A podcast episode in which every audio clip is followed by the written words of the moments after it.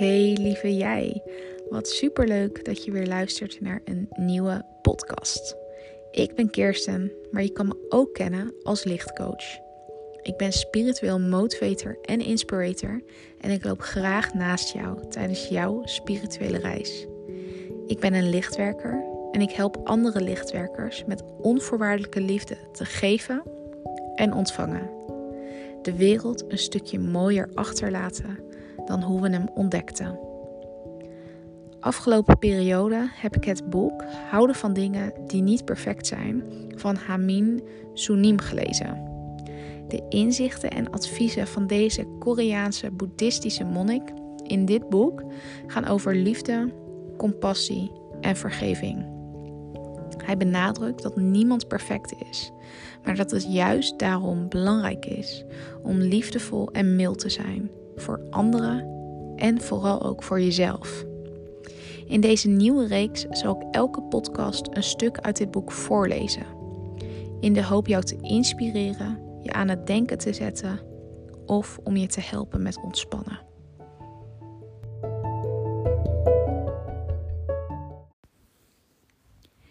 Iedereen op deze wereld is het geliefde kind van iemand.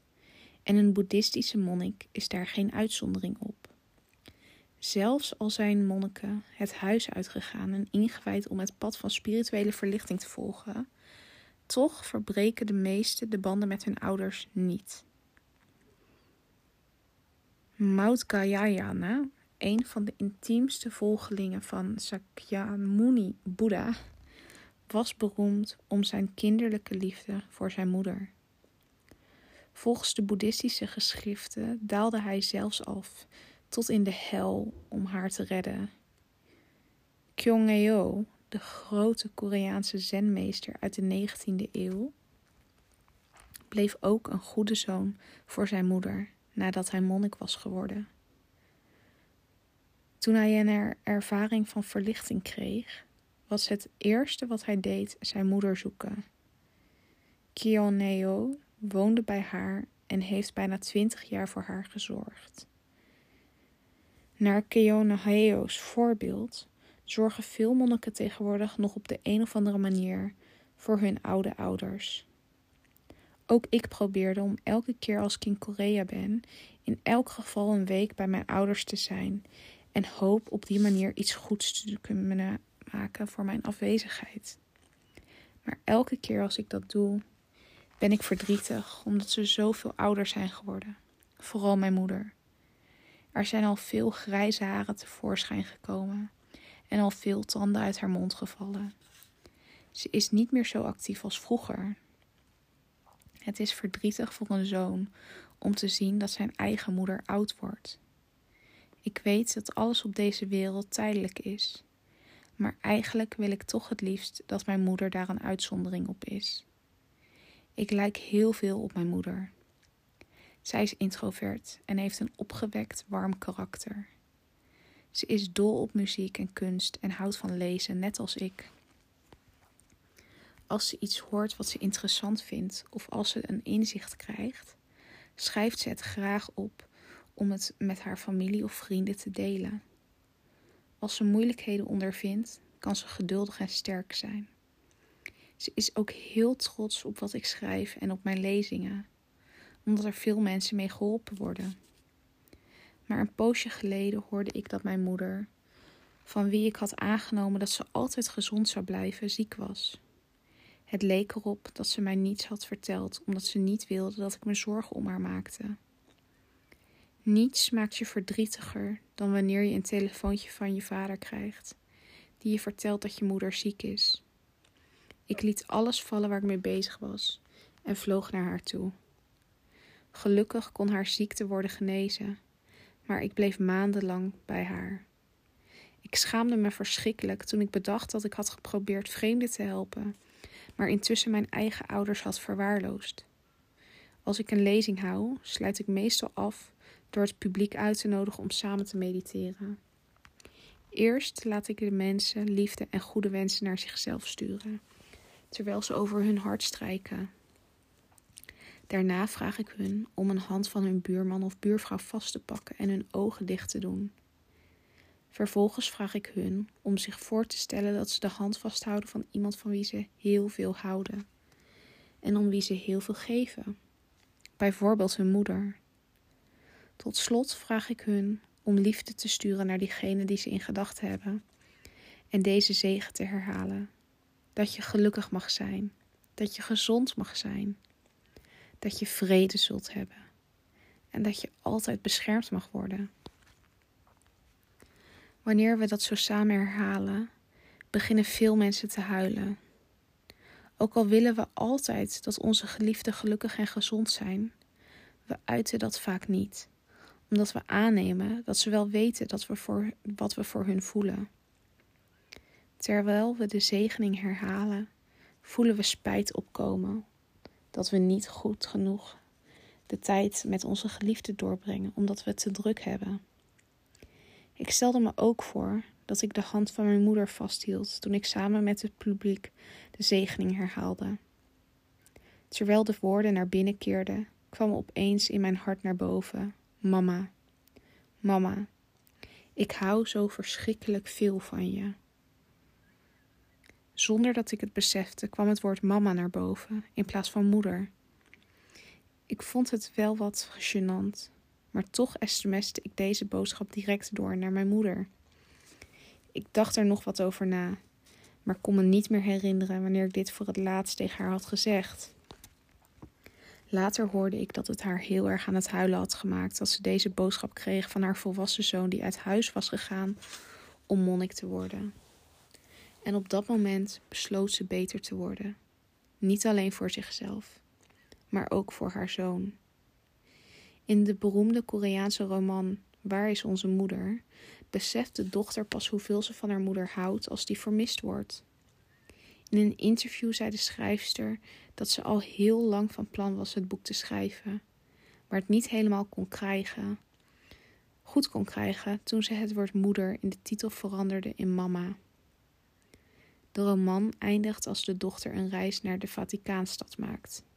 Ze legt een rozenkrans voor de Pita, een beeld van Maagd Maria die dit dode Jezus omarmt en bidt: Zorg alsjeblieft voor mama.